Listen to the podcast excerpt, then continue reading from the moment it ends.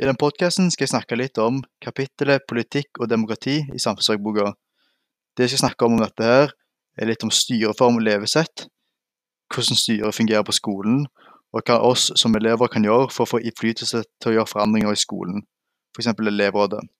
Jeg skal også snakke litt om den norske velferdsstaten, og hvordan det hjelper ungdommen gjennom utdannelse og litt ut resten av livet.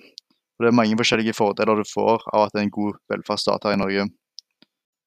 Nå skal jeg snakke litt om hvordan styret fungerer på skolen og rundt i Norge.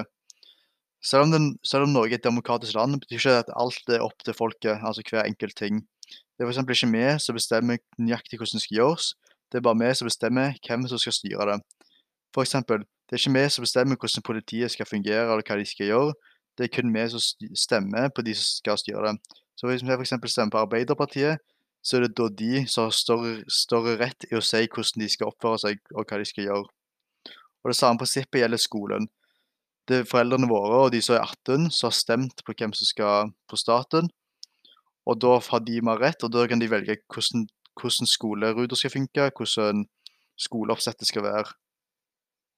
Men det kan òg virke ganske urettferdig, siden det er jo mange, nesten alle som går på skolen og sånt, er jo ikke 18, så de har ikke lov til å stemme på hvordan de vil det skal, opp, hvordan de, hvordan de vil det skal være. Men jeg syns det er ganske mye mening, siden de, alle de voksne har jo, omtrent alle de voksne har gått gjennom den samme utdannelsen, og de vet mer hvordan de kan forbedre det enn vi kan. Det er en god del ting du kan gjøre som elev for å prøve å få innflytelse og gjøre forandringer i skolen. Men jeg syns den letteste måten å bli med i elevrådet, akkurat som jeg er, for da kan du ta opp mange viktige punkt du eller klassen mener. Selv om de sannsynligvis ikke kan gjøre noe med det du sier, så er det jo greit å få det gjort. Men du kan òg melde deg opp på ting i elevrådet, så du får høyere status, liksom. Så jeg klarte å velge meg, melde meg på miljøutvalget med uhell. Og da kunne jeg vært med og styrt hvordan miljøet på skolen skal være, og være med å påvirke det med rektor og noen andre folk. Så hvis jeg hadde vært interessert i det, kunne jeg fortsette med det og gjort noen forandringer, men ja, catchless.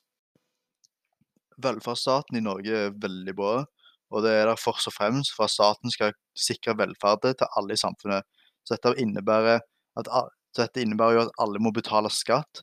Selv om du er fattig eller rik, så må du alltid betale litt skatt det, denne skatten du betaler, hjelper da alle andre i, i, samfunnet med gratis utdanning og masse forskjellige ting innenfor skolen, som f.eks. gratis grøt om morgenene. Du får lov til å låne bøker av skolen, så du slipper å betale noe i mindre du klarer å ødelegge dem. Og så er det òg veldig bra tilrettelagt, eh, skolegang på skolen. F.eks. på Jotta så har vi jo C-bygget, der alle de som har f.eks. lærevansker eller er funksjonshemma, eller hva som helst, kan få lov til å gå gratis, tror jeg, uten å, å få, få, en grei, få, en grei, utdannelse på en måte, i forhold til, etter det de klarer.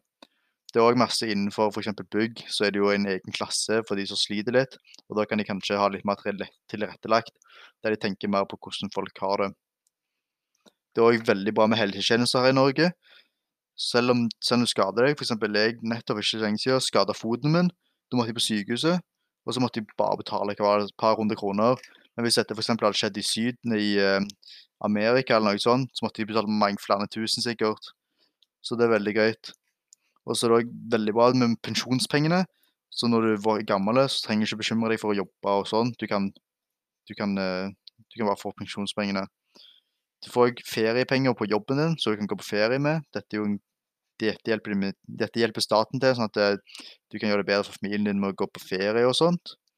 Så får du òg sykepenger. Hvis du er syk så og så lenge, så har du krav på å få penger hele veien. Men hvis du går over, hvis du har vært syk for lenge, så kan du fortsatt gå på Nav for eksempel, og tjene penger. Så de sørger for at ingen skal gå hjemløse. Jeg vil bare slutte med å si at i Norge er politikken veldig bra i forhold til de fleste andre land. For i Norge mener de fleste partier ganske likt om fundamentet, men de mener bare litt annerledes om, for, om hvordan de skal gjøre det, eller f.eks. prosenter, og hvordan penger skal bli fordelt, eller hvor mange folk som skal fordeles, eller hvordan det funker sånn som det. Mens i f.eks. USA så er de alle helt, helt uenige. Så det er enten på den ene sida eller så på den andre, og da, de jo, blir det jo en krangel hele veien. Sånn som Trump og Biden, de mener jo de klarer ikke å være enige om noen ting, nesten. Men i Norge har vi ikke det problemet, siden nesten alle partier er ganske enige om hvordan det skal funke. De bare er litt uenige om hvordan hvordan de skal gjøre det, på en måte. Ja, takk for meg.